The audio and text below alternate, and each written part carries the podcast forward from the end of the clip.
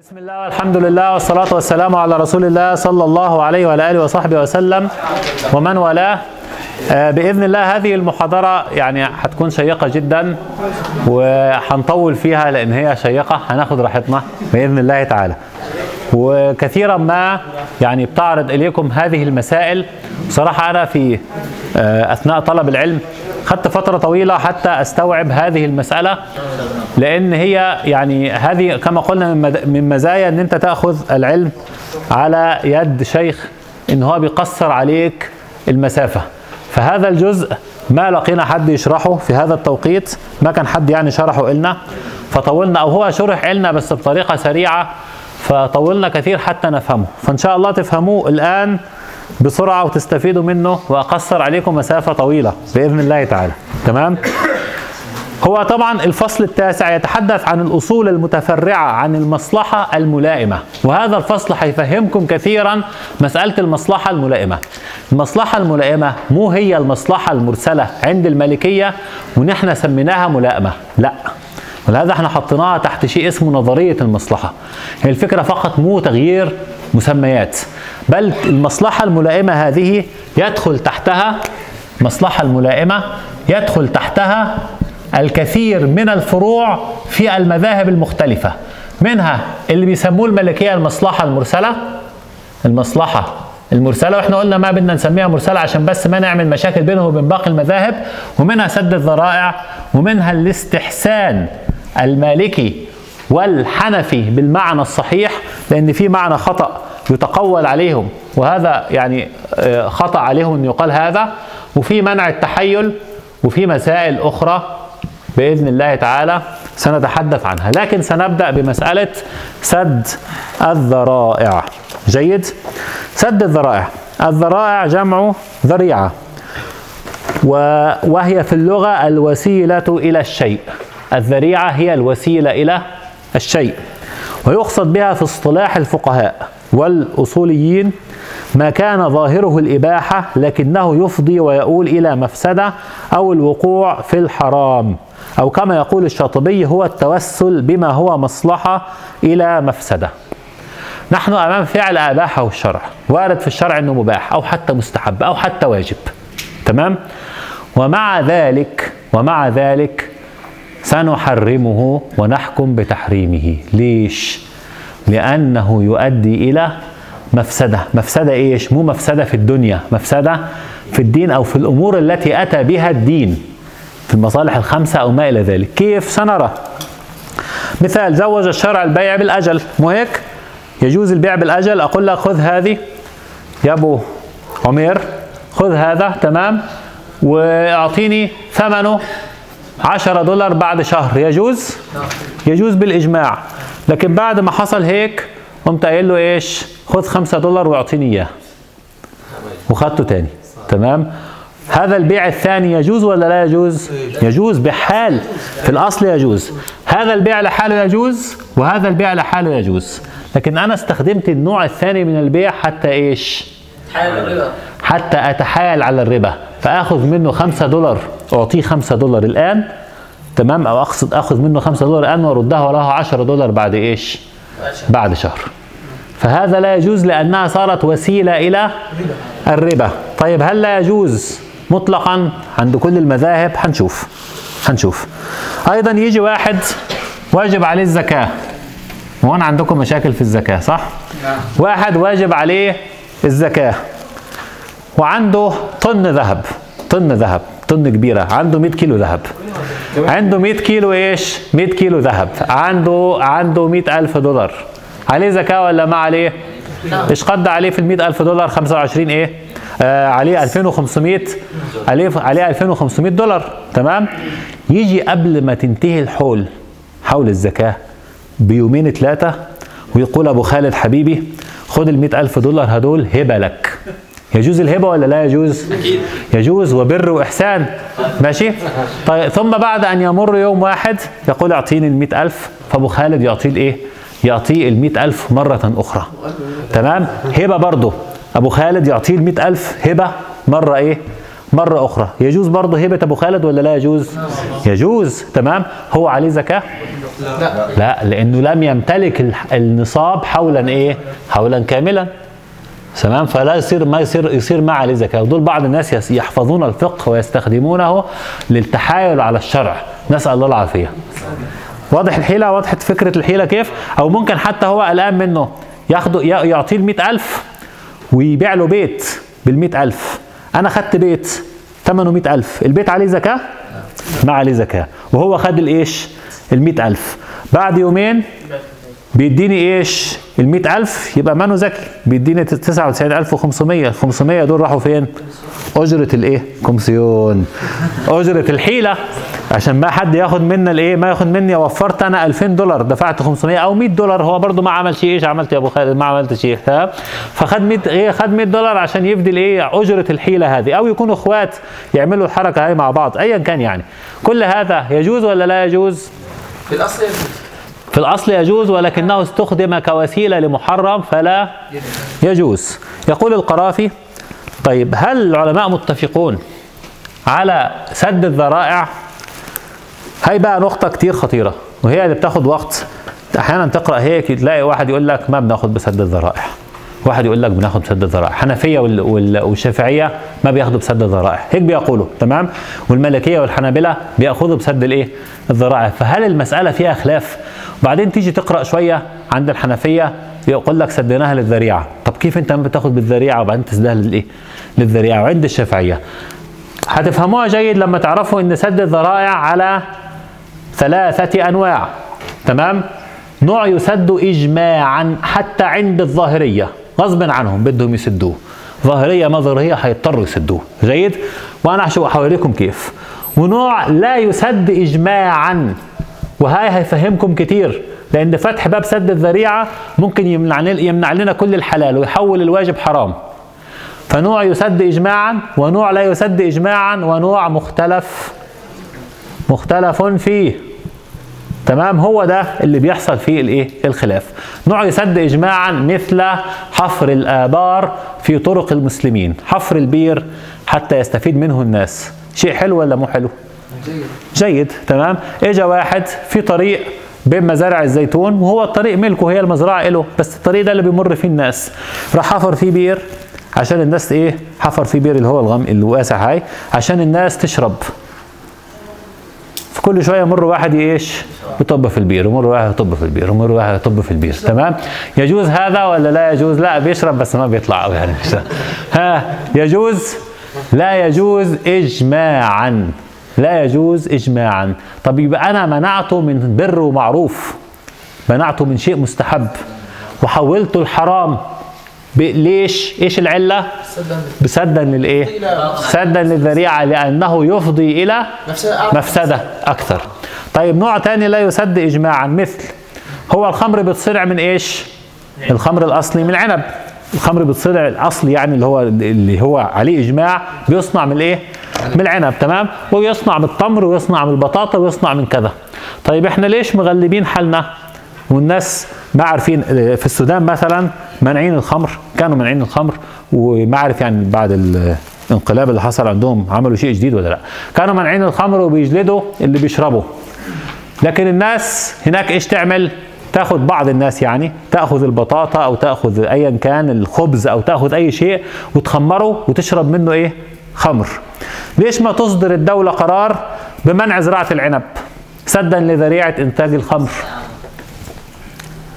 ليش ما نصدر قرار بمنع زراعة العنب؟ سدا لذريعه م- صنع الإيه؟ صنع الخمر. طيب الزنا الناس اللي بتزني كيف بيزنوا؟ في الغالب بتبقى جارته تمام؟ جيران. فيشوف هذه الجارة فإيه؟ فيحصل حكي من هون وحكي من هون. ده في الماضي يعني ما كانوا بيتقابلوا إلا بهذه الطريقة تمام؟ فتكون النتيجة ان يقعوا في الإيه؟ في الزنا. طيب ليش ما يصدر الأمير سدا لذريعه الزنا قرار بمنع التجاور في البيوت؟ كل واحد يبني بيته حواليه كيلو داير ما يدور بحيث ما يشوف كيلو 2 كيلو 3 كيلو بحيث ما يشوف الجيران ابدا ولا له علاقة. ليش ما يعمل هذا؟ هذا النوع من الذريعة لا يسد اجماعا. لا حنبلة ولا ملكية ولا غيره ما بيروا سد هذا الإيه؟ هذا النوع لأن هذا يفضي إلى المصلحة كثيرا أو قطعا. يفضي إلى المفسدة كثيرا أو قطعا. فما يفضي إلى المفسدة كثيرا أو قطعا يسد إجماعا. ولأن هذا يفضي إلى المفسدة فعلا ولكن نادرا. فما يفضي إلى المفسدة نادرا لا يسد إجماعا. هون بقى المشكلة وهو ما يفضي إلى المفسدة كثيرا وليس غالبا. هون يفضي إلى المفسدة إيش؟ غالبا. هون نادرا. هون كثيرا. فليفضي إلى المفسدة كثيرا. الحنفية والشافعية يرون عدم سده والحنابلة والمالكية يرون أن يسد. على تفصيل مهم جدا سنبينه لكم بإذن الله تعالى. تمام؟ طيب. يقول القرافي الذرائع ثلاثة أقسام قسم أجمعت الأمة على سده ومنعه وحسمه كحفر الأبار في طرق المسلمين فإنه وسيلة إلى إهلاكهم وكذلك إلقاء السم في أطعمتهم. هتلقي سم في أطعمة المسلمين. جيد. هذا ممكن تقول إلقاء السم مفيش فيه مشاكل. لا إلقاء يعني كإلقاء كعين الإلقاء. ولكنه يؤدي في النهاية لإيه إلى قتل المسلمين. تمام؟ طيب. وأيضا مثل سب الأصنام عند من يعلم عن حالها أنه يسب الله عند سبها. وأيضا لا يجوز أن تسب الأصنام. عند اللي عارف إن لك سبيت الصنم عنده إيش هيعمل؟ هيسب الله سبحانه وتعالى تمام؟ وقسم اجمعت الأمة على عدم منعه وأنه ذريعة لا تسد وسيلة لا تحسم كالمنع من زراعة العنب خشية الإيه؟ الخمر فإنه لم يقل به أحد وكالمنع من المجاورة في البيوت خشية الزنا. وقسم اختلف فيه العلماء هل يسد أم لا كبيوع الأجال عندنا اللي هو بيع العينه اللي أنا حكيت عنه. هل هذا يمنع أم لا أم لا يمنع؟ الشافعية والمالكية والحنفية إيش يقولوا؟ يقولوا هذه الطريقة ليست غالبة، مو أغلب الناس بتعمل هيك، بعض الناس بتعمل هيك. فما حنسد هذا النوع من بيوع كرمال إن بعض الناس وإن كانوا كثير ولكن ليسوا إيه؟ غالبا، أما المحل المالكية الحنابلة والمالكية يقولون بهذا. يقول القرافي إن الخلاف بيننا وبين الشافعية وصل من أجل هذه المسألة إلى ألف مسألة. ألف مسألة في البيوع اختلفنا فيها من أجل هذا الإيه؟ من أجل هذا الموضوع لأن هيك الأصول بتسبب مشكلة كبيرة الخلاف في جزئية من الأصول بيسبب خلافات كثيرة في الإيه؟ في الفروع تمام؟ طيب والحكم بالعلم للق... وحكم اختلف في النظر للنساء هل يجوز وجه المرأة ليس عورة عند كثير من أهل العلم وعند كثير عورة. جيد؟ لكن كثير من أهل العلم يقولون ليس عورة. لكن من يقول أنه ليس عورة؟ كثير منهم يقول وإن كان ليس عورة لا يجوز أن تنظر إليه.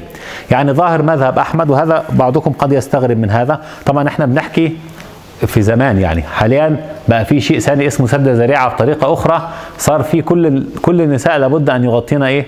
وجوههن. جيد حتى عند من يرى أن الوجه ليس عورة. لكن أنا بقول زمان في عصر الإمام أحمد الإمام أحمد ظاهر مذهبه أن وجه المرأة ليس عورة. والإمام الشافعي ظاهر مذهبه أن وجه المرأة ليس إيه؟ عورة. ولكن الإمام أحمد يقول وجه المرأة ليس عورة ويحرم النظر إليه. مو لأن هو ليس عورة يعني يجوز إن أنت تنظر إليه. تمام؟ لا هو ليس عورة ويحرم أن تنظر إيه؟ إليه لأنه يؤدي في النهاية إلى الزنا كثيرا. زائد يعني يؤدي إلى الوقوع في فواحش أخرى أو في معاصي أخرى كثيرا. الشافعي يقول لا هو لا يؤدي غالبا. فبالتالي أنا لا أسد هذه الذريعة. برضه رواية عند الشافعية يعني أو كثير من أئمة الشافعية. فيجوزون النظر إلى وجه المرأة بشرط عدم الشهوة. بشرط عدم الايه؟ الشهوة. جيد؟ فيقول هذه من المسائل اللي اختلفنا فيها معهم. هو برضه هون يرى عدم جواز النظر إلى الإيه؟ إلى النساء سدا للذريعة. تمام؟ وأيضا حكم القاضي بعلمه. هل يجوز أن يحكم القاضي بعلمه؟ يقولون لا يجوز. يعني لو القاضي شاف بعينه واقعه السرقة لا يجوز أن يحكم حتى يأتي اثنين من الشهود. ليش؟ يقولون هذا سدا لذريعة أن يأتي القضاء الفاسدون. جيد؟ فإيش؟ فيحكموا بعلمهم بدون توفر الشروط الإيه؟ الموجودة. وبعض أهل العلم قالوا يحكم القاضي بعلمه لأنها نادر أن يبقى فيه أو مو. مو الغالب أن القضاه فسقه زيد أو فاسدين. ماشي؟ طيب. آه الخلاصة ما كان أداؤه إلى المفسدة قطعيا أو ظنا راجحا يجب بحسب مدار العادات. تفضل. فسده مشروع بالإجماع. وما كان أداؤه إلى المفسدة فأجمعت الأمة على عدم سده لأنه عند التأمل والتحقق يؤدي إلى سد أبواب الحلال كاملة هيك أصلا ما حنزرع شيء أبدا صح؟ ما حنزرع شيء أبدا مو هيك؟ يعني لو أصلا الخمر بيتعمل من أي شيء ممكن يتعمل من قمح فنبطل زراعة قمح ونبطل زراعة كذا مست... هنلغي المباح كله تمام ويلغى ما فيها من مصالح. أما ما كان أداؤه للمفسدة كثيرا لا غالبا فهذا الذي وقع الخلاف فيه بين الفقهاء. ودل على أصل أصل سد الذرائع أدلة كثيرة من الكتاب والسنة. هم بقى المهم في موضوعنا. إيش علاقة سد الذرائع بالمصلحة الملائمة؟ أنت هيك تحسه كأننا دخلنا في موضوع جديد. لا هي أصلا أصل سد الذرائع أصله المصلحة الملائمة. تمام؟ هنشوف كيف. مين اللي دلنا على سد الذرائع؟ إيش رأيك يا أبو ثريا يا أبو ثريا إحنا عمالين نحرم اتفضل. عمالين نحرم نقول حرام تعمل كذا وما في دليل عليه وحرام تفعل كذا. إيش الدليل على هذا؟ من وين جبنا أصل سد الذرائع هذا؟ دلنا عليه أمور كثيرة من الكتاب ومن السنة. جيد؟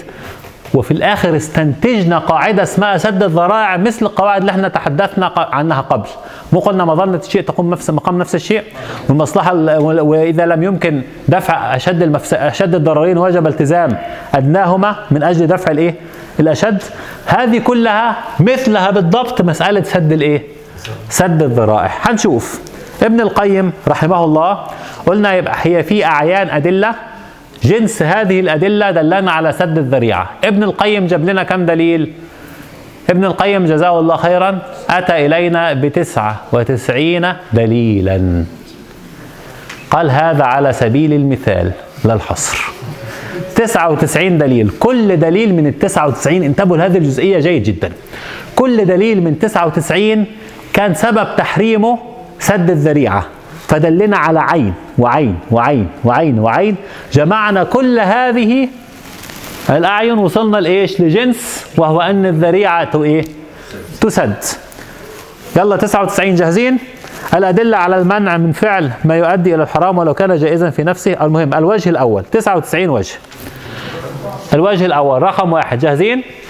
طيب رقم واحد. قوله تعالى ولا تسبوا الذين يدعون من دون الله فيسبوا الله عدوا بغير علم. لماذا حرم أن نسب؟ آه هذا الأمر رغم أن سب الصنم جائز ولا مستحب؟ ده ممكن يبقى واجب كمان. مو هيك؟ عشان عشان عشان تنزل تعظيمه في قلوبهم. لكن لما تسبه أمام حد بيعظمه وأنت لست ذو سلطان عليه إيش هيحصل؟ هيسب الله سبحانه وتعالى. فتمنع من هذا. ما هي علة المنع؟ انتبهوا. انتبهوا. انتبهوا. إحنا ليش لا نسب أصنام المشركين؟ ده بالإجماع. شافعية حنفية مالكيه حنابلة كله ده. ما يقول لا تسبوا أمامهم لو أنت تعرف إن هم هيسبوا الايه الله سبحانه وتعالى. لماذا نمتنع عن هذا؟ لأن الله أمرنا بهذا. وقال ولا تسبوا. فهذا نهي. جيد. هذا نهي عن هذا الإيه؟ عن هذا الأمر. فيحرم علينا أن نفعل. لكن ما هي العلة؟ الأحكام معللة ولا منها معللة؟ معللة. ما هي العلة؟ العلة سد ذريعة سب الله. تمام؟ سد ذريعة إيه؟ سب الله سبحانه وتعالى. تمام؟ طيب اثنين اثنين. طبعا بيقول آه وكانت مصلحة ترك مسبته تعالى أرجح من مصلحة سبنا لآلهتهم وهذا كالتنبيه.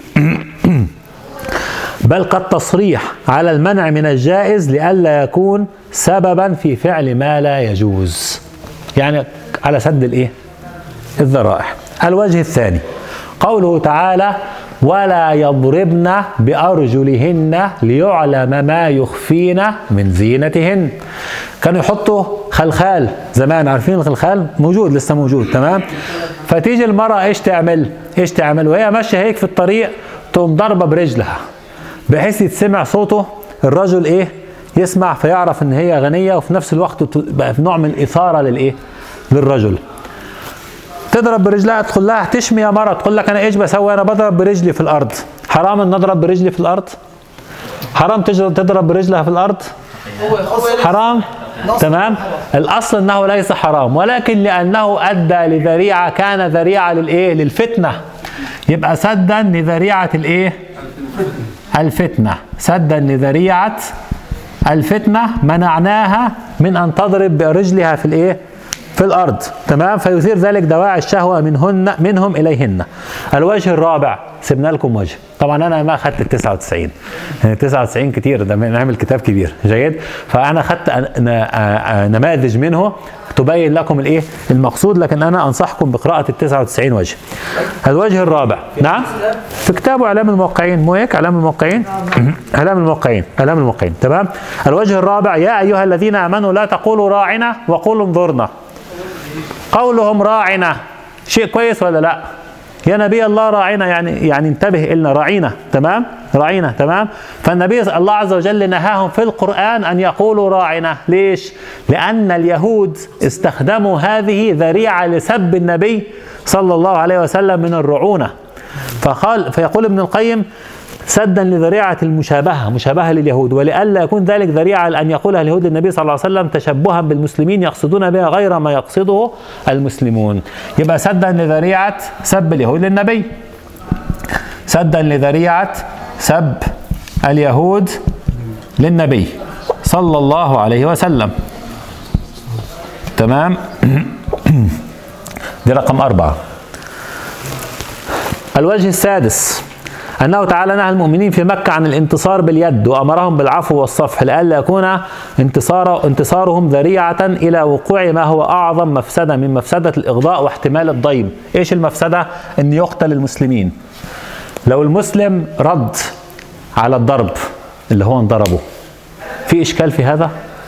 بالعكس دي عزة وهيك لكن النبي الله عز وجل نهاهم أن يفعلوا ذلك في مكة لماذا؟ سدا لذريعة استئصال المسلمين. يبقى سدا لذريعة استئصال المسلمين. تمام؟ ستة دي ستة. جيد؟ الوجه الثامن ما رواه أحمد ابن عبد الرحمن عن عبد الله بن عمر أن الرسول صلى الله عليه وسلم قال من الكبائر شتم الرجل والديه. قال يشتم الرجل والديه؟ نعم قال نعم يسب هو إيه؟ يسب أبا الرجل فيسب الرجل إيه؟ أباه. تمام؟ فهذا نهي لذريعة أن يسب الإيه؟ الثاني. أباك. يبقى سدا لذريعة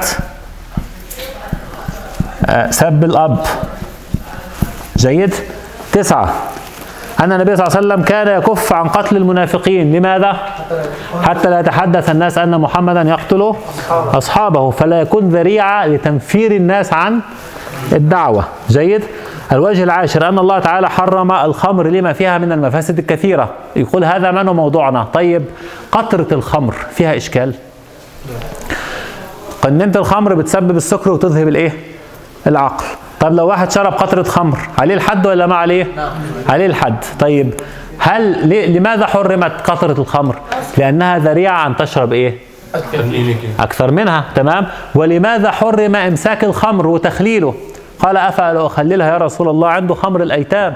فقال أفأ أخللها نهى النبي صلى الله عليه وسلم عن ذلك. ليش؟ عشان مو كل واحد يمسك خمر في البيت ويقول أنا بدي إيش؟ أخلل هذا الخمر. فسدا لذريعة هذا الأمر. تمام؟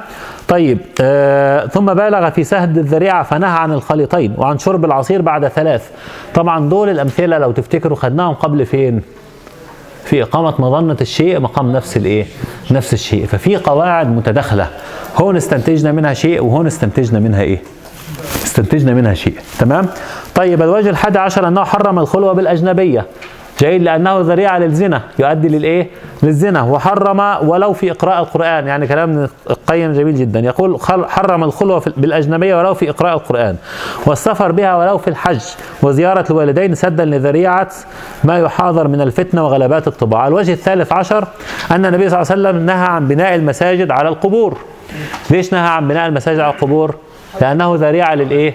لتعظيم القبور والشرك. بيقول وحرم ذلك على من قصده ومن لم يقصده بل قصد خلافه سدا للذريعة.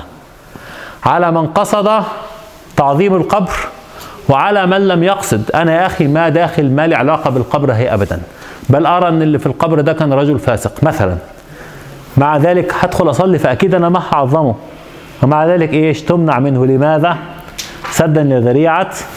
الشرك. الوجه الثاني والعشرون أن النبي صلى الله عليه وسلم نهى أن يجمع الرجل بين سلف وبيع. ليش؟ سدا لذريعة الربا. ما تجمع بين سلف وبيع في عقد واحد. يعني ما تقول بيع لي هذه هبيعك هذه وسلفني ألف ليرة. ليش؟ لأن ممكن تزود في السلف حتى حتى تمشي الإيه؟ البيعة. تمام؟ ب ب ب تحت غطاء أنه بيع. فنهى النبي صلى الله عليه وسلم عن هذا سدا لهذه الذريعة. الوجه التاسع والعشرون النبي صلى الله عليه وسلم نهى أن تقطع الأيدي في الغزو. ليش؟ لئلا يكون ذريعة إلى إلحاق المحدود بالكفار. ولهذا لا تقام الحدود في الغزو كما تقدم. الوجه الثاني الثامن والثلاثون أن الشارع أمر بالاجتماع على إمام واحد. وده وجه مهم. أمر بالاجتماع على إمام واحد في الإمامة الكبرى. تمام؟ وفي الجمعة. والعيدين والاستسقاء وصلاة الخوف. مع كون صلاة الخوف بإمامين أقرب إلى حصول صلاة الأمن. نعم. معلش احكي مش حكيت؟ ها. آه إذا في حدا بيعني ضروري يا أخوي أنا بدي امشي يعني مضطر امشي الله يجزيكم الخير. في حدا بيعني ضروري يا أخوي؟ ما حدا بيعني شيء؟ حياك الله ربنا يتقبل. هم بدهم إياك يعني أقصد. آه، نهى آه، في صلاة الخوف. ليش بنصلي ركعتين؟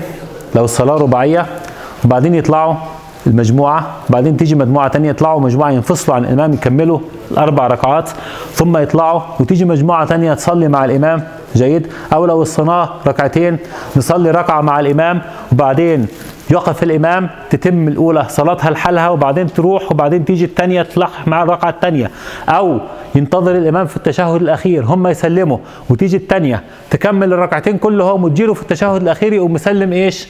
بيهم على صور مختلفة في صلاة الخوف. لماذا نفعل هذا؟ ما نقسمهم على إمامين يا أخي؟ إمام يصلي ويخلص ويمشي؟ ويجي إمام تاني يصلي ويخلص وإيه؟ ويمشي. أظن حتى بعضكم هيك بيعمل هيك بيستسهلها في المعارك. يقول لك ليش نعمل هيك؟ نصلي إحنا إمام هون ونصلي إمام هون. تمام؟ لماذا جعل الشارع هذا حفاظا على وحدة الإيه؟ على وحدة صف المسلمين. جيد؟ سواء في الاسقاط طبعا القصف هون تعارض مع مصلحة أخرى. يعني هون تعارضت وحدة صف المسلمين مع حياة المسلمين اللي هم بيجاهدوا أصلا. فعشان هيك بنقول تفرق من أجل القصف ولهذا في الآية له أصل في القرآن فإن خفتم فرجالا أو ركبانا يعني صلاة الخوف ذكرت ثم في النهاية قيل إيش؟ بعدها فإن خفتم فرجالا أو ركبانا هون بقى مو لازم نصلي جماعة لكن افرض نحن في حالة تسمح بأن إحنا نجتمع على إمام لا يجوز ان أن نفرق إلى إيه؟ إلى أمامين ولو في مسجد يجمع المسلمين لا يجوز أن يبنى بجانبه مسجد آخر لماذا؟ حفاظا على وحدة صف المسلمين. تمام؟ آه، وطلب ان اجتماع القلوب وتآلف الكلمة وهذا من أعظم مقاصد الشرع الشرع. وقد سد الذريعة مو قصة إمام أعظم بس في كل شيء. الشرع بيحاول يحافظ على وحدة صف المسلمين في كل شيء. تمام؟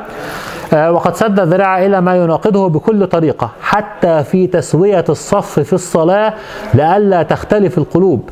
وشواهد ذلك أكثر من أن تذكر. تفضل.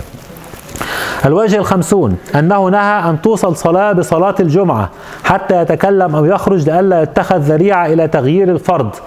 فتصير إحنا نصلي ركعتين الجمعة وبعدين الناس تقوم على طول تصلي الإيش السنة. فبعد فترة يعتقد الناس أن صلاة الجمعة أربع إيش؟ أربع ركعات. الوجه السادس والتسعون قربنا السادس والتسعون. تمام؟ أنه تعالى عاقب الذين حفروا ده جميلة جدا. عاقب الذين حفروا الحفائر يوم الجمعة فوقع فيها السمك يوم السبت. إيش حصل مع اليهود؟ الله عز وجل حرم عليهم الصيد يوم الإيه؟ السبت. ثم ابتلاهم فصارت إيش؟ حيتانهم تأتيهم يوم سبتهم شرعا ويوم لا يثبتون لا تأتيهم. كذلك نبلوهم بما كانوا يفسقون. برضو عقاب إلهم. جيد؟ فهم إزاكوا. قال لك هنتعامل إيه؟ هنبقى أذكياء. عاوزين يلتزموا بالموضوع بس بدهم يلعبوا. فقالوا هننصب الشباك يوم الايه؟ الجمعة. تمام؟ ونيجي يوم الحد نجمع الايه؟ نجمع الشباك. إحنا هيك اصطادنا يوم السبت؟ ما عملنا شيء. يوم السبت ما عملنا شيء ابدا. تمام؟ إيش بقى عمل لهم الله؟ إيش ماذا فعل بهم الله عز وجل؟ مسخهم قردة. قلنا لهم كونوا قردة خاسئين. إيش معنى قردة؟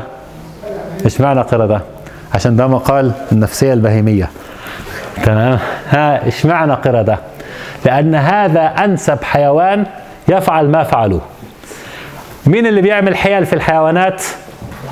القرد. هو اللي بيعمل حيل؟ هو اللي بيقعد يعمل حيل وألاعيبه هيك جيد. فكان هذا أنسب مسخ لهم. وأنتم بتعملوا مثل القرود؟ جيد؟ فتمسخوا على صورة إيه؟ على صورة قرود. والخنزير. تمام؟ الخنازير دي في مسألة تانية. تمام؟ طيب الوجه السابع والتسعون. هو بقى لا هو في الوجه هذا بيدي هيك بنسميه في المصري عندنا بنقول عليه كتف قانوني للشافعية. أنتوا إيش تسموه؟ زغدة هيك يعني للشافعية. هقول لكم هو لا هو بيحكي لما لما ضرب هذا المثال إيش قال؟ قال وهو آه يقول إذ صورة الفعل بل آه، يقول ولكنهم لما جعلوا الشبا- الشباك والحفائر ذريعة إلى أخذ ما يقع فيه من الصيد يوم السبت نزلوا منزلة من اصطاد فيه. إذ صورة الفعل لا اعتبار لها. إحنا بيعتبر الإيه؟ القصد كان النتيجة إنك ممنوع تاخد السمك يوم الإيه؟ السبت. بل بحقيقته وقصد فاعله. ويلزم من لم يسد الذرائع. هو يقصد الشافعية هنا والحنفية. أنه لا يحرم مثل هذا كما صرحوا به في نظيره سواء. وهو لو وهو لو نصب قبل الإحرام شبكة. أنت في الإحرام يجوز تصطاد؟ طيب قبل الإحرام رحت نصبت شبكة. تمام؟ ورحت أحرمت وحليت وطلعت خدت الصيد اللي في الإيه؟ شبكة. يجوز تفعل هذا؟ هذه شبه إيه؟ شبه هذه. فيقول أنتم يلزمكم يا من تحلون هذا الأمر أو هذا يا من تحلون سد الذراع اللي هو جزء سد الذراع أنتم بتحلوه. يلزمكم أن تبيحوا هذا النوع من الايه من الصيد. جيد طبعا هم ما بيحلوه بهذه الطريقة وهننصفهم إن شاء الله. الوجه السابع والتسعون. قال الإمام أحمد نهى رسول الله صلى الله عليه وسلم عن بيع السلاح في الفتنة. ولا ريب أن هذا سد لذريعة الإع- الإعانة على المعصية. ويلزم من لم يسد الذراع أنه يجوز هذا البيع كما صرحوا به. والمعلوم أن هذا البيع يتضمن الإعانة على الإثم والعدوان. ثم ذكر أمثلة كثيرة. نحن لا نبيع كحنابلة لا نبيح كحنابلة ومالكية. بيع العنب لمن يتخذه خمرا. ويبيح هذا الشافعية والحنفية يقولون إحنا إلنا صورة البيع ما إلنا علاقة بإيش بيعملوا بيه. ولأن مو مو غالبا هيسويه إيه؟ خمر. مو غالب العنب بيسوى خمر. جيد؟ فهو يقول يلزمكم يا شافعية ويا حنفية أن تبيحوا نعم. طب خلينا نكمل. أن تبيحوا أنا فاكرك بتستأذن. أن تبيحوا بيع العنب للإيه؟ أن تبيحوا أقصد بيع السلاح في الحرب وتخالفوا أمر النبي صلى الله عليه وسلم وإلا ما علة قول النبي. الظاهرية موضوعهم سهل. ليش سهل؟ أي شيء هتقول يقول لك أنا ما عندي شيء اسمه علة أصلا فكل اللي أنت بتقوله ده ما يلزمني. أما الشافعية والحنفية موضوعهم صعب لأن هم بيروا أن الأحكام معللة. وأنا جبت لكم هيك يقول ابن القيم يعني 99 دليل في سد ذريعة. عين العلة في إيش؟ هذه اسمها إيش؟ عين العلة. سد ذريعة سب الله.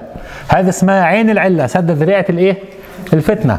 هذه اسمها عين العلة. سب اليهود للإيه؟ للنبي. استنتجنا من هذا كله مصلحة ملائمة. إيش هي؟ سد الذريعة.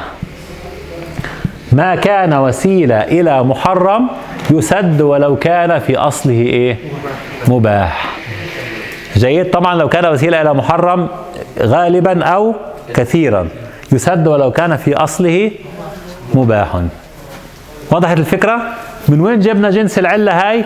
من عين. من الأعيان اللي ذكرناها. ذكرنا 99 على سبيل المثال. انتبهوا مو على سبيل الحصر. وطبعا فايدة آه، لحظة بس لحظة.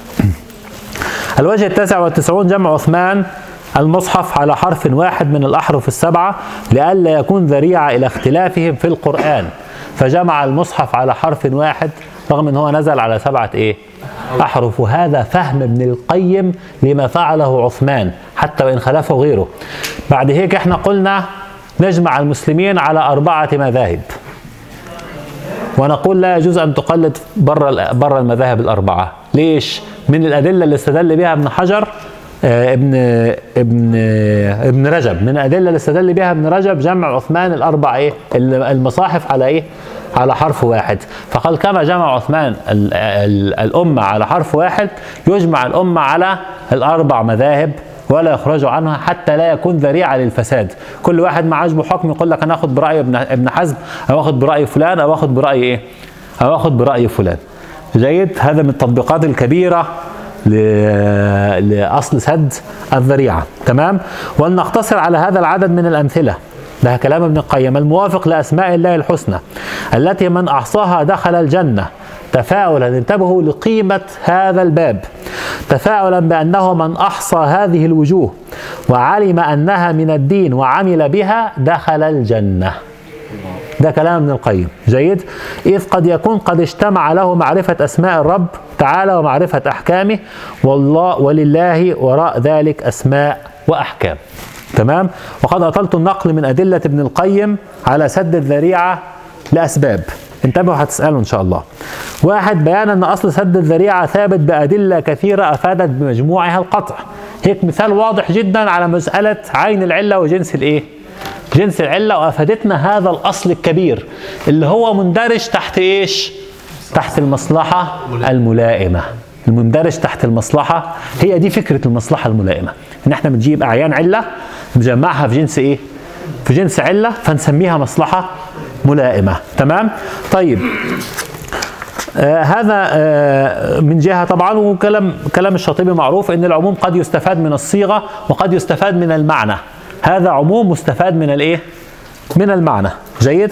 ومما يلاحظ في الأمثلة المذكورة أننا استدللنا بكثير منها قبل عند الحديث عن بعض القواعد المندرجة في باب المصلحة الملائمة مثل إقامة مظنة الشيء مقام نفس الشيء وهذا ما يرشدنا للسبب الثاني.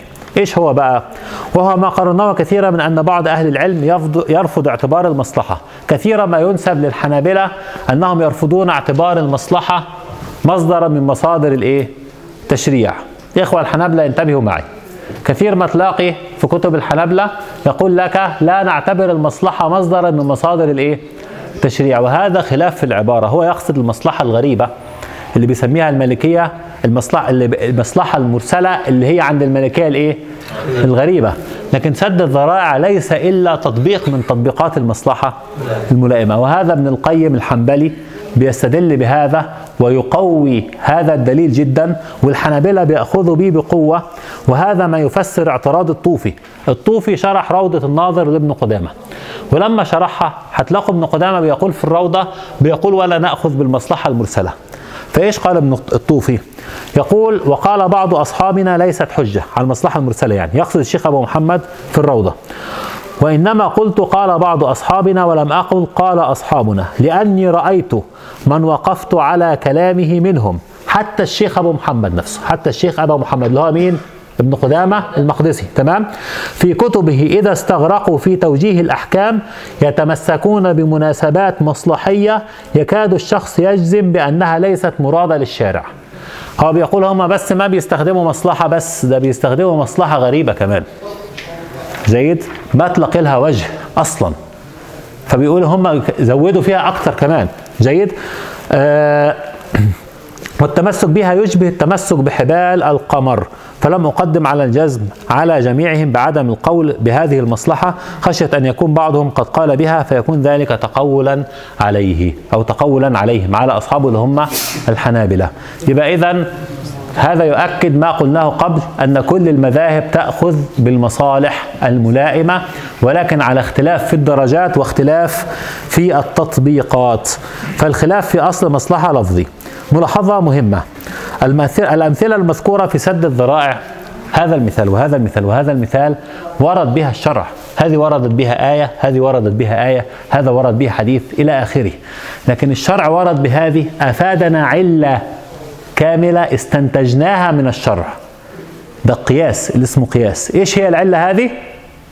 سد الإيه؟ سد الذريعة. فبننزل هذه العلة على مسائل لم يحكم فيها لا قرآن ولا سنة. إيش دليلنا؟ القياس. والقياس حجة. وهذا نوع من أنواع الإيه؟ وهذا نوع من أنواع القياس. نبدأ في شروط إعمال مصلحة سد الذرائع. مين عنده سؤال؟ اتفضل موضوع العنب. آه. عند الشافعية. لو غلب على ظني إنه اللي راح ابيعه العنب خمار. هنوضحها. هنوضح هي الجزئيه حتى يقولون لو لو هو مو غلب على ظنك هو رجل خمار. رجل خمار. عنده خم عنده خمارة وما عنده غيرها ابدا. وجاء قال لي أعطيني عنب. عند الشافعيه يجوز تعطيه العنب. عند مالك وأحمد لا يجوز أن تعطيه العنب. رجل الشر بيطلع هيك من عينه. وأنت عارف إن في مشكلة بينه وبين واحد. وبده يقتله تمام؟ وجاء قال لك اديني سلاح. اديني سلاح تمام؟ عند مالك وأحمد لا يجوز أن تبيع له السلاح. عند الشافعية والحنفية هقول لكم إيش. عشان أنتوا بتفتكروا إن هي يجوز لكن هي مو هيك. هوضح لكم المسألة تمام؟ وهي هتحل عندكم إشكال كبير. فهيك نبدأ في شروط. ها؟ بالنسبة لسد الذرائع. تمام. حضرتك ذكرت إن سد الذرائع معتبرة في في غالبا أو كثيرا. تمام. تمام. إيش هي ضابط مسألة الغالبا أو كثيرا؟ يعني نس- نسبية الغالبا أو كثيرا؟ هاي بقى عند أهل العلم. هاي يأتي أهل العلم. يعني عرف آه هذا ياتي هذا يأتي أهل العلم ويرون. وهذا سؤال مهم هنراه بعد ذلك بإذن الله تعالى. هنراه في بعض الأمثلة وهنوضح إن اللي كان غا كثيرا زمان ممكن صار غالبا في زماننا. جيد؟ واللي كان قليل زمان ممكن يصير كثير في زماننا أو العكس. كما سنرى فهي مسألة اجتهادية. فهي مسألة اجتهادية. طيب شروط إعمال مصلحة سد الذرائع. لإعمال سد الذرائع في ثلاثة شروط. مو هيك أي حد مو أي حد أقصد مو أي ذريعة تسد. في شروط ثلاثة. سهلين جدا إن شاء الله. خدنا منهم اثنين وباقي واحد. وهو مهم جدا.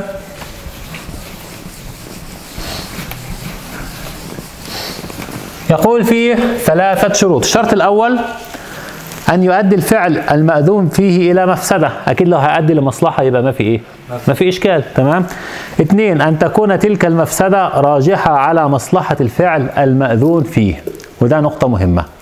إن تكون مفسدة أكثر من المصلحة مو كل في قاعدة بيقولوا إيش؟ بيقولوا سد آه، درء المفاسد مقدم على جلب المصالح. في ناس ده اللي بيبين الجهلة اللي بيتسلقوا آه، سلم أصول الفقه وما عندهم شيء. فيجي يقول لك أخي قاعدة سد آه، درء المفاسد مقدم على جلب المصالح فيلغي أحكام كثيرة. لا الأمر مو هيك. إذا تساووا أو كانت المفسدة أشد. تمام؟ أما لو المصلحة أكثر مو مشكلة. تقدم جلب المصلحة على درء المفسدة. الثالث أن يكون أداء الفعل المأذون فيه. إلى المفسدة غالبا أو كثيرا. طبعا غالبا أو كثيرا تحدثنا فيها على خلاف. بعض العلماء يقولوا غالبا وبعض العلماء بيقولوا كثيرا. وهنا ننبه إلى قاعدة مشهورة في كلام الفقهاء درء المفاسد مقدم على جلب المصالح وقلنا ليست على إطلاقها وذكرنا. قال شيخ الإسلام ابن تيمية فإن الذريعة إلى الفساد يجب سدها إذا لم يعارضها مصلحة راجحة. انتبهوا إذا لم يعارضها مصلحة إيه؟ راجحة. لو عارضها مصلحة راجحة يبقى يبقى ما في ما, ما تسد الذريعة. ندخل بقى في شيء اسمه فتح الذريعة اللي نتحدث عنه إن شاء الله. ولهذا كان النظر الذي يفضي إلى الفتنة محرم. ليش يفضي ليش النظر محرم؟ هل يجوز أن تنظر إلى وجه امرأة؟ عند الحنابلة لا يجوز لأنه يفضي إلى المفسدة إيه؟ كثيرا لأنه يفضي إلى المفسدة كثيرا. لكن عند الخطبة يجوز؟ يجوز. ليش؟ لأن في مصلحة أكبر من المفسدة الإيه؟ المتوقعة. ونفس الشيء في البيع. يجوز تنظر إلى وجه امرأة دي بقى حنابلة وكله. أتت امرأة تشتري منك. يجوز تنظر إلى وجهها؟ لو هي منتقبة يجوز تقول لك شوف النقاب؟ يجوز. مو هيك؟ حسب البيعة يعني كمان. لا مو حسب البيعة. يجوز تاخد لها كشف النقاب. ما في إشكال لأن أنت عاوز في في إشهاد فرضا بيعة ب 500 ليرة وأعطيتك 500 ليرة مزورة. كيف تشتكي عليها عند القاضي؟ يجوز مو يجب. وهي يجوز تكشف وجهها وممكن تقول لك أنا ما بدي أشتري من عندك وتسيبك وتمشي. أنا ما بقول يجب هي تكشف وجهها. طيب ويجوز تنظر لوجهها يجوز رغم أن في الأصل لا يجوز أن تنظر إلى إلى إيه؟ إلى وجهها، لماذا؟ لأن هناك مصلحة أكبر من هذه. هذه مصلحة في إيش؟ كيف برضه نقيس المصالح والمفاسد؟ مصلحة الإشهاد في البيع من ضرورات حفظ المال ولا من حاجيات؟ من حاجيات حفظ المال. مصلحة عدم النظر إلى وجه المرأة من تحسينيات حفظ الإيه؟ العرض أو من حاجيات حفظ الإيه العرض وتعارض حفظ أو حفظ النسل تعارض هذا بس هو لو حاجيات هتقدم لا هي من إيش؟ من تحسينيات. فتعارض تحسيني في حفظ النسل مع حاجي في حفظ الإيه؟ المال. فقدمنا الحاجي في حفظ المال. تمام؟ طيب. آه وضرب القرافي أمثلة لذلك. منها وده مثال جميل جدا. ده مثال جميل جدا. إذا طلب الكفار مال من أجل فداء الأسرى يجوز أن ندفع لهم مال من أجل فداء الأسرى طيب بدون فداء الأسرى بدون فداء أسرى يجوز نعطي الكفار مال يتقوى به على قتال المسلمين؟ لا يجوز حرام نعطي الكفار مال. هبة هبة كهدية. كفار المحاربين يجوز؟ لا يجوز لأن هذا سيتقوى به على قتال الإيه؟ المسلمين. لكن من أجل فداء الأسرى صار في تعارض مصلحتين مصلحة فداء الأسرى وهي مصلحة الحفاظ على دين الأسرى وعلى نفس الأسرى مع هذا الإيه؟ مع هذه المفسدة فقدمنا هذه المصلحة. هل يجوز هكذا مطلقا؟ كلام القرافي وكلام أهل العلم دقيق جدا. تعرف الفرق بين العالم وبين الجاهل. جيد؟ قال إيش؟ قال إلا إذا كان المال كثيرا. لدرجة تجعل الكفار أقوى منا بطريقة لا نستطيع أن نقاومهم بها. ما معنى هذا الكلام؟ فإيش هيحصل؟ هناخد الأسرى صحيح. بس هيجي الكفار ياخدونا إحنا والإيش؟ والأسرى وبلادنا ويروح الدين ويروح المال ويروح النفس ويروح كل شيء. فهون لا لا نعطيهم. أو العكس. جيد؟ يجي الإخوة يقول لك يا أخي أدركوا الأخوات في السجون. وهيك ويرسلوا لي طبعا حاجات تمزق القلب. اخوات عند الأكراد الملاحدة والأخوات عند النظام والأخوات عند كذا. والأكراد بدوا من ده على دي 5000 وبدوا على دي 10000 وبدوا على دي مش عارف إيش قد. وبتوع الخوارج نساء الخوارج يجب علينا نفكهم ولا ما يجب؟ يجب. دول مسلمات لو كانوا عند كفار يعني يجب أن إحنا إيه؟ نفك أسرهم. طيب بدهم مصاري كتير. أنا أصرف المصاري هاي في التحصين اللي هو عندي عجز فيه وممكن العدو يدخل وما معايا. جيد؟ ولا أصرفها في فك هؤلاء النساء؟ لا أصرفها في التحصين لأن أنا لو ما صرفتها في التحصين إيش هتكون النتيجة؟ إن هيجي النساء إن هيجي الكفار ياخدوا النساء اللي إحنا حررناهم ونسائنا وإحنا وديننا ونفسنا. جيد؟ فهون لا لأن أنا ما معي هذه الإيه؟ أما لو معي وما هتقويهم لا هون يدفع تدفع إيه؟ يدفع المال. فيجي ناس تدعي العلم أو يعني ما نريد نعرض بحد. يجي ناس فكوا الاسرى طلعوا المصاري. طب فين المصاري؟ فين المصاري؟ ما في مصاري. ها؟ ما مكفية التحصين ولا مكفية الإيش؟ ولا مكفية العسكرة. وضحت الفكرة كيف؟ طيب. مسألة. مسألة مهمة جدا. طبعا يقول يلخص لنا الشاطبي هذا هذا الشرط بعد أن عدد بعض الأمثلة قائلا بل العقوبات كلها جلب مصلحة أو درء مفسدة يلزم عنها إضرار بالغير. كل العقوبات بيلزم عنها إضرار ومع ذلك تقدم المصلحة اللي بتجيبها هذه العقوبات على المفسدة اللي بتجيبها هذه الإيه؟ العقوبات. طيب مسألة. هل سد الذريعة يشترط فيه قصد المتذرع؟ هل سد الذريعة يشترط فيه قصد المتذرع أم لا؟ كيف قصد المتذرع؟ يعني افرض أنا بعت هذا لأبو مثنى. وهيك خد يا أبو المثنى هذا ب 100 دولار. جيد؟ بعد ما بعت له إياه ب 100 دولار آه، قلت له هعطيك ال 100 دولار آه، هيع- هيعطيني ال 100 دولار بعد إيش؟ بعد سنة. تمام؟ وبعدين أنا احتجته. احتجت أمسح وهيك ما لقيت شيء عندي. فرحت قلت له خد 50 دولار وهاتوا الإيه؟ وهاتوا الآن. أنا مو قصدي الربا ابدا. قصدك الحاجة ماشي؟ أنا صار طرأت علي حاجة فأخذته. هل يجوز؟ هذه الصورة أم لا تجوز؟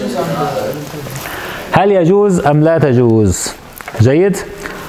الصحيح وهي تحل عندكم إشكال كبير إن الذريعة سد الذريعة لا ينظر فيها لقصد المتذرع.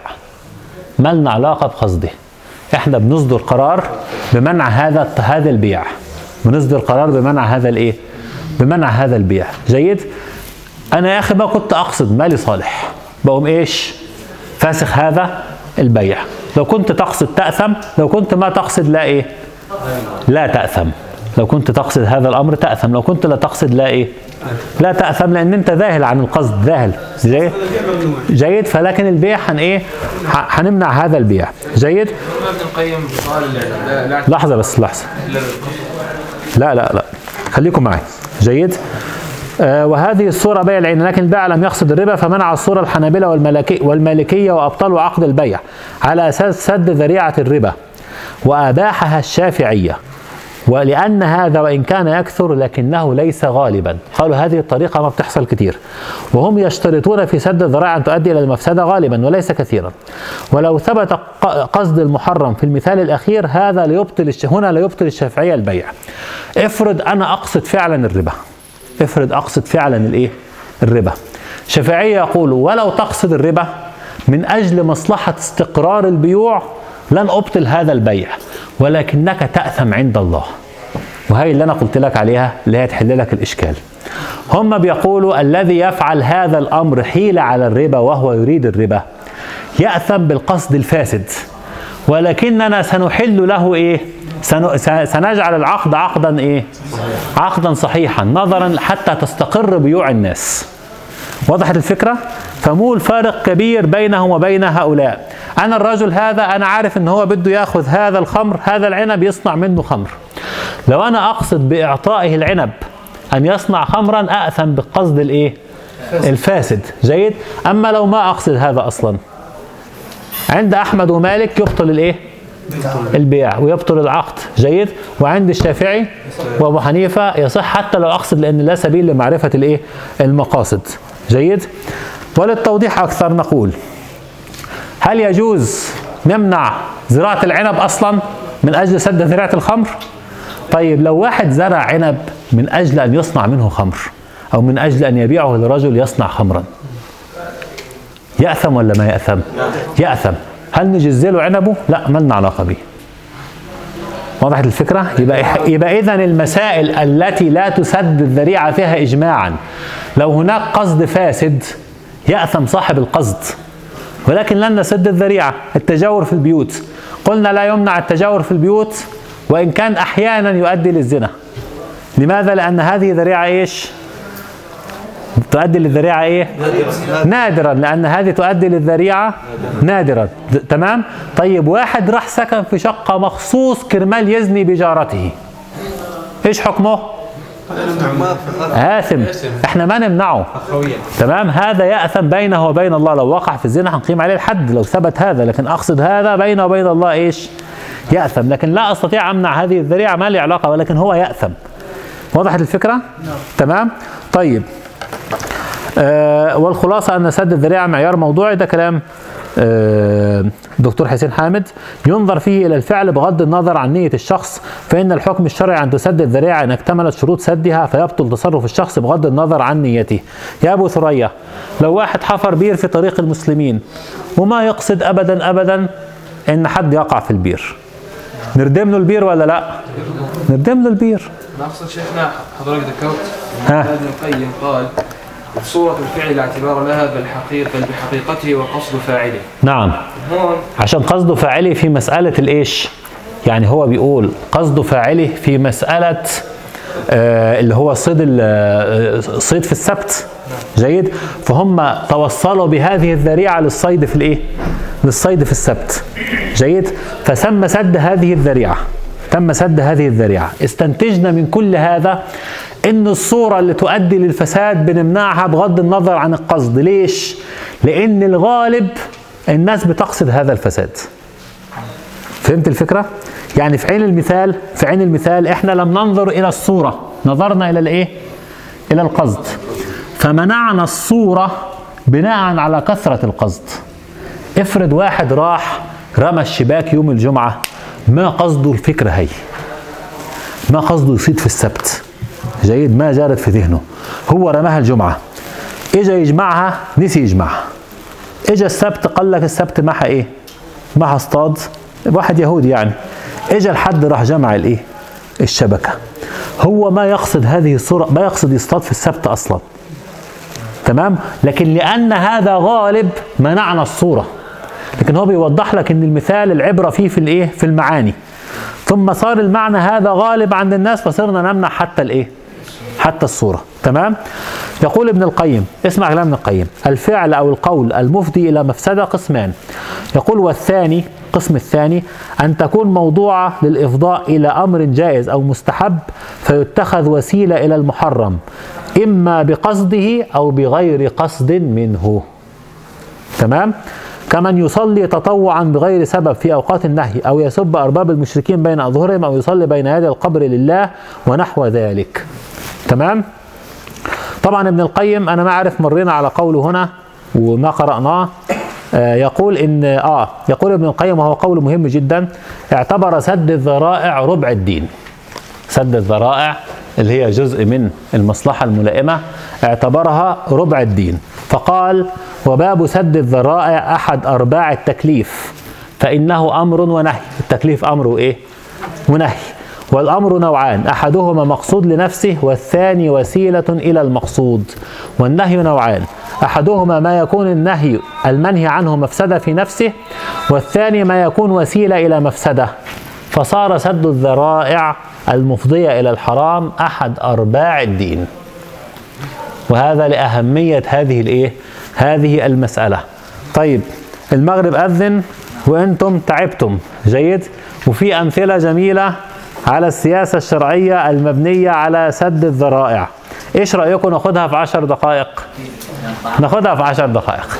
أول مثال أنا هختصرها لكم اختصار أول مثال أول مثال يجوز مو أنا كاتب لكم هو هو يجوز تأخير المغرب ابن عباس.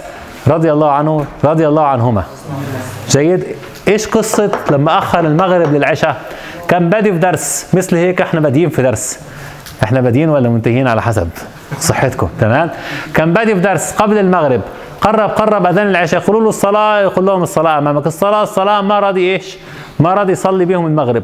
حتى قرب أذان العشاء فقالوا الصلاة يا ابن عباس. فقال صلى النبي جمع النبي صلى الله عليه وسلم بين المغرب والعشاء من غير مطر ولا إيه؟ ولا سفر. قالوا لماذا فعل هذا؟ قال أراد الا يحرج أمته. تمام؟ ففين الحرج هون؟ فين الحرج في هذا؟ هو بيقول درس مهم. فما بده يقطع حديثه جيد حتى يصلوا ممكن ما يتجمعوا تاني. ففضل يكمل معهم. هل أذن العشاء ولا ما أذن؟ جمهور أهل العلم قالوا ما أذن العشاء. هو صلى المغرب قبل الأذان على طول ثم إيه يعني حصل جمع صوري مو جمع إيه؟ مو جمع حقيقي. تمام؟ فأنتم ما تاكلوا هم. يعني أكيد قبل العشاء هنصلي المغرب. المثال الأول المثال الأول ما حرم استعماله حرم اتخاذه. يحرم هنختصره لكم بالكلام. مو حقرا لكم لن أقرأ لكم كلام أهل العلم. هختصر لكم الكلام اختصارا. يجوز استعمال آلات اللهو لا. الكمان البيانو يجوز؟ لا. لا يجوز. طيب يجوز الأكل في أواني الذهب والفضة؟ لا يجوز. طيب اجى واحد تدخل بيته تلاقي عنده النيش اسمه النيش عندكم ولا إيش اسمه؟ النيش هيك تمام؟ يحط فيه يعني بيشتروه في العر... عند العروسين يحط فيه أطباق مفضدة. أطباق فضة مو فضة أطباق فضة تمام؟ فتيجي تنكر عليه يقول لك أنا لا آكل فيها. أنا وضعها فقط للزينة. فهل يجوز اتخاذ هذا؟ لا يجوز. نص أهل العلم على أن ما حرم استعماله حرم اتخاذه سدا لذريعة أن من اتخذه في يوم من الأيام إيه؟ سيستخدمه سيكون سهلا عليه. جيد؟ طيب. طبعا ده سيوط الشافعي قال القاعدة السادسة والعشرون ما حرم استعماله حرم اتخاذه. طبعا يصدر إذا يصدر ولي الأمر أمرا بمنع بمنع بيع أي شيء من هذه الأمور ولو للزينة. يبقى لا في كمانات ولا في بيونات ولا في عود ولا في زمور. يا أخي هو محرم إن أنا أستخدمه أنا بس هشتريه ما هستخدمه. لا. لأن ما حرم استعماله حرم إيه؟ اتخاذه. طيب المثال الثاني. حرمة وبطلان بيع السلاح للكافر الحربي ووقت الفتنة بين المسلمين. للكافر الحربي واضحة جدا. يجوز بيع السلاح للكافر الحربي؟ لا يجوز إجماعا. ليش؟ لأنه كثيرا أو غ... لأنه غالبا سيستخدمه لقتال المسلمين. وفي حديث حتى العلماء اللي ما بيصححوا الحديث لو ما صححوه بيروا منع البيع له سدا للإيه؟ للذريعة. جيد؟ بل الإمام مالك والإمام مالك يبالغ في سد الذريعة منع بيع السلاح لمن يتوقع أن يبيعه للكفار. يعني ممكن يجي لك تاجر هون مسلم. تاجر هون مسلم تمام؟ هذا التاجر المسلم بيبيع سلاح تاجر سلاح. يجوز تبيع له السلاح ولا لا يجوز؟ لكنه سيستخدم هذا السلاح سيقوم ببيع هذا السلاح للكافر. هل يجوز تبيع له؟ عند الإمام مالك لا بس عند الشافعي وأبو حنيفة إيش؟ يجوز. لو انت تقصد في الآخر توصلها للكافر تأثم.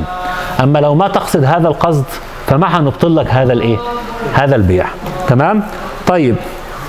اما بيع السلاح في الفتنة هل يجوز ولا لا يجوز؟ هل يجوز بيع السلاح في الفتنة؟ حصل فتنة بين المسلمين. هل يجوز بيع السلاح في الفتنة؟ المالكية لمسلم. بيع السلاح في الفتنة لإيه؟ لمسلم. المالكية والحنابلة قالوا لا يجوز. ليه؟ لأنه كثيرا في فتنة قايمة فاللي بده سلاح كثيرا ما محتاجه كرمال يشترك في الإيه؟ في الفتنة. تمام؟ عند الشافعية والحنفية قالوا يجوز. كرهوه كره الشافعي. قال المواردي الشافعي رحمه الله قال الشافعي رحمه الله وأكره بيع العصير ممن يعصر الخمر والسيف ممن يعصي الله به ولا أنقض البيع. تمام؟ هو كره ولم إيه؟ ولم يحرم لم ينقض البيع يقول لا البيع منه مكروه. لو انت عطيه عشان يشترك في الفتنة هذا حرام. هذا حرام. انت حرام عليك لكن لن ننقض البيع عند الايه؟ عند الشافعية. انتبهوا لجزئية مهمة. إيش علة الشافعية؟ قالوا لأنه ربما يستخدمه في الجهاد. مو حتما حتما سيستخدمه في قتال المسلمين. هون بقى نيجي لمسألة إمتى يكون غالبا وإمتى يكون كثيرا. افرض بلد ما فيهاش جهاد. بطلان الجهاد واقف. في هدنة عشر سنين. وفي فتنة قايمة اللي هيشتري السلاح ده هيشتريه ليش يبقى غالبا من أجل هذا. هون حتى واحد لو واحد شافعي يمنع هذا الإيه؟ يمنع هذا الأمر. لأن جهاده. وصار اللي هو الشيء اللي كان كثيرا صار إيه؟ صار غالبا. تمام؟ افرض إن المعركة الكفار شغالين وداخلين وهيك وفي فتنة صغيرة هيك بين بيتين من بيوت المسلمين.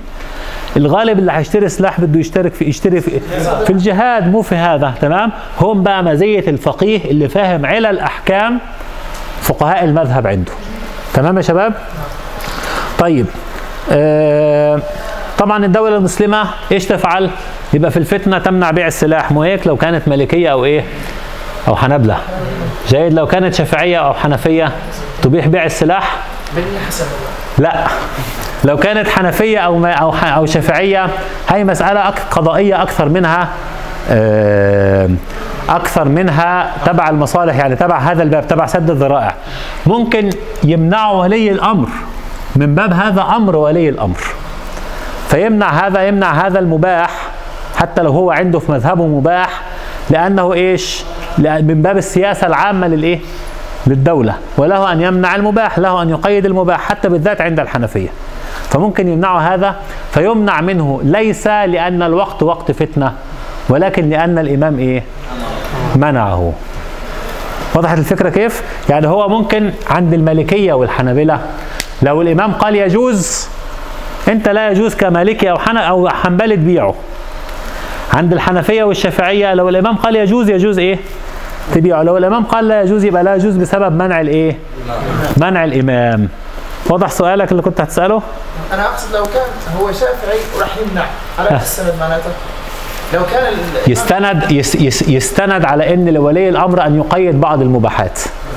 هو ممكن يمنع مو إحنا ممكن نمنع بيع ال 23 ممكن نمنع بيع السلاح أن يكون في سلاح مع المسلمين إلا برخصة. على اي على أي شيء بنستند إن ولي الأمر من باب تنظيم أمور المسلمين له أن يمنع بعض المباح اللي هو طبعا هو أقوى لو كان حنفي لو كان مالكي أو حنبلي أموره سهلة. هيقول لك من باب سد الذريعة. أنا بمنع هذا من باب سد الإيه؟ الذريعة. آخر مثال ننهي به منع الاختلاط بين الرجال إيش؟ الفرق بين الغالب والكثير. قلنا الغالب الغالب يعني الكثير معناه مثلا مثلا أقل من 50% 45% مثلا. جيد؟ هيك يعني تقريبا لهذا. كثير لكن ما نو إيش؟ ما نو نادر نادر اللي هو 10% تمام؟ الغالب 55 وانت ماشي هيك. قريب من هذا. هي في الآخر كما قلنا مسألة اجتهادية. ولهذا هتجد داخل المذاهب نفسها يختلفون. يعني مو كل المذهب الحنبلي بيقول مثلا ما تبيع هذه البيعة ولا تشتري هذه الشروة. لا لأنه ده مختلفين في إيش؟ في غالب وإيه؟ وكثير. أما كل اللي بيرى أن هذه تؤدي إلى المفسدة غالبا يمنعها. هذا بالإجماع. ما ينفع حتى ابن حزم ما ينفع يقول لك تنفع تحفر بير في طريق المسلمين لكن هو بيجيبها من طريق تاني غير سد الذريعة يقول لا ضرر ولا ضرار مثلا يشوف لك حل يشوف لها حل لكن ما ينفع. واضح هيك؟ طيب. منع الاختلاط بين الرجال والنساء. تيجي تقول الاختلاط بين الرجال والنساء يعني يجلسوا في في فصل حاطين فيه بنات وإيه؟ وأولاد أو يجلسوا في آه عمل محطوط فيه رجال وإيه؟ ونساء. هذا المنع يجي الناس تقول لك وين الدليل؟ هات لي دليل. هات لي دليل من الكتاب أو السنة على منع اختلاط الرجال والنساء. مو بيقولوا لكم هيك؟ جبت لكم هون ما في وقت نقرأها. أقوال علماء من المذاهب الأربعة ينصون على منع وحرمة الاختلاط بين الرجال والنساء ويعللون جميعا الأمر بسد الإيه؟ الذريعة. حتى في مجالس القضاء يعني تلاقوا السرخسي. حنفي يقول يمنع القاضي يجعل يوم للرجال ويوم للنساء حتى لا يختلط الرجال بالنساء فيؤدي هذا إلى الإيه؟ إلى الفساد الغالب اللي بيحصل يعني هم حتى بيعتبروا هذا في زمانهم أن هذا غالبا يؤدي لفساد منتبهين؟ اقرأوهم إن شاء الله حتى لا نطيل عليكم وهو يعني مسألة آه، منشورة فعلى ولي الأمر من باب السياسة الشرعية إيش السياسة الشرعية هون؟ يصدر قرار يقول يمنع اختلاط الرجال مع النساء. وين دليلك يا ولي الأمر؟ وين دليله؟ سد الذريعة. لو جالكوا واحد ظاهري قل له بقى هات لنا دليلك ما هيحسن يجيب. ما يحسن يجيب إلا من سد الذريعة. قل له بس قلت لنا بسد الذريعة يبقى أنت معانا في إيش؟ في هذا وتركت مذهبك. وتركت مذهبك. جيد؟ يبقى هيك تحدثنا اليوم عن سد الذريعة في المحاضرة الثانية وقلنا إن سد الذريعة دي نقطة مهمة جدا جدا إن سد الذريعة تطبيق على نظرية المصلحة وهي قاعدة من القواعد مثل مظنة الشيء تقوم مقام نفس الشيء وجوب دفع أشد الإيه؟ أشد الضررين فهي نفسها. تمام؟ هي قاعدة من الإيه؟ من القواعد لكن لها شروط حتى لا تفضي إلى فساد أشد من شروطها. اولا تؤدي لمفسدة ثاني شيء يكون تؤدي إلى إيه؟ تكون تكون المصلحة أقل إيه؟ أقل من المفسدة أو مساوية. لو حتى مساوية يبقى درء المفاسد مقدم على جلب المصالح. المصالح اللي هي إيش؟ إيش المصالح؟ اللي هي أولها حفظ الدين بترتيبها. اولها حفظ الدين ثم حفظ النفس ثم حفظ الإيه؟ العقل ثم حفظ النسل ثم حفظ المال. بهذا الترتيب الذي دل عليه الشرع. فهون نقارن في مفسدة في الدين وفي مصلحة للنفس. يبقى ندرأ المفسدة عن الدين ولو ذهبت مصلحة الإيه؟ مصلحة النفس. في مصلحة للنفس وفي مفسدة على المال. يبقى نحافظ على مصلحة الإيه؟ النفس ولا ندرأ مصلحة الإيه؟ مف- مفسدة اللي على الإيه؟ اللي على المال. وضربنا مثال بالاسرى فهمتوا يا شباب؟ وضحت المسألة. كتير مهمة وكتير قيمة إن شاء الله.